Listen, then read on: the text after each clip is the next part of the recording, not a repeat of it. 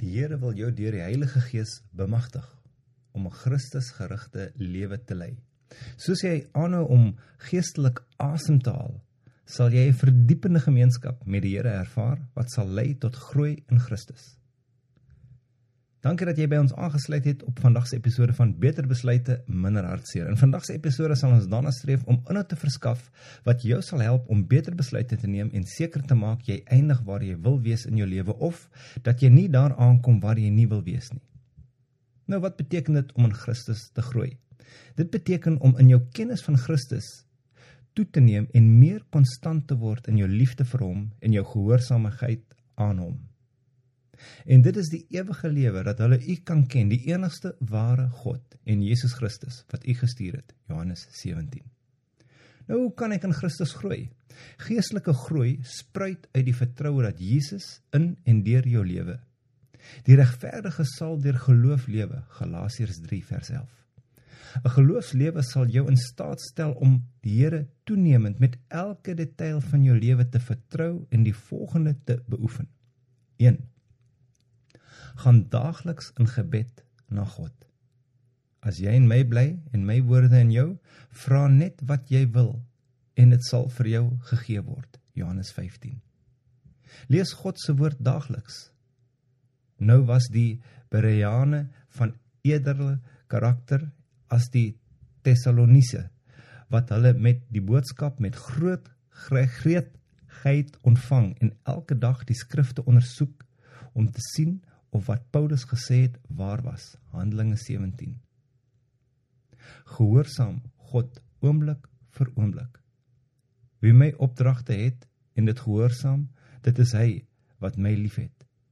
Wie my liefhet, sal deur my Vader liefgehad word en ek sal hom ook lief hê en my aan hom toon. Johannes 14 getuig vir Christus deur jou lewe en woorde. Elkeen wat een van die geringste van hierdie gebooie breek en ander leer om dieselfde te doen, sal die minste genoem word in die koninkryk van die hemel. Maar elkeen wat hierdie gebooie doen en leer, sal groot genoem word in die koninkryk van die hemele. Matteus 4:19. Dit is tot eer van my Vader dat julle baie vrugte dra en toon dat julle my disippels is. Johannes 15. Vertrou die Here vir elke detail van jou lewe. Werp al jou bekommernisse op hom, want hy sorg vir jou, 1 Petrus. Vertrou die Heilige Gees om jou te lei in jou daaglikse lewe en getuienis te bemagtig. So ek sê, leef deur die Gees en jy sal nie die begeertes van die sondige natuur bevredig nie, want die sondige natuur begeer wat in stryd is met die gees en die gees wat in stryd is met die sondige natuur. Hulle is in konflik met mekaar sodat jy nie doen wat jy wil nie. Galasiërs 5.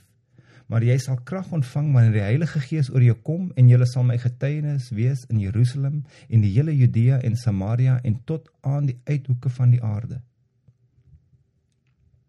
En al dit kommunikasie is noodsaaklik vir enige verhouding, insluitend jou verhouding met Christus.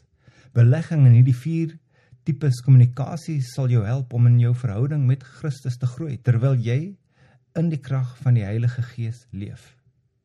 Al dit staan in die Heilige Skrif. Dit is nie goed wat mense uitgedink het nie om te sê nie. Dit staan in die Heilige Skrif. Skrif. God kommunikeer met ons deur die Bybel en openbaar sy karakter en sy wil daardeur. Die Heilige Skrif is deur God ingegee en is nuttig tot lening, teregwysing en onderwysing in die geregtigheid sodat jy die dienskneg van God volkome toegerus kan wees vir elke goeie werk. Ons kommunikeer met die Here deur gebed. Deel ons behoeftes en ons begeertes om sy wil te doen. Wees oor niks besorg nie, maar maak in alles julle begeertes deur gebed en smeking en met danksegging aan God bekend. En die vrede van God wat alle verstand te bowe gaan, sal julle harte en julle sinne bewaar in Christus Jesus.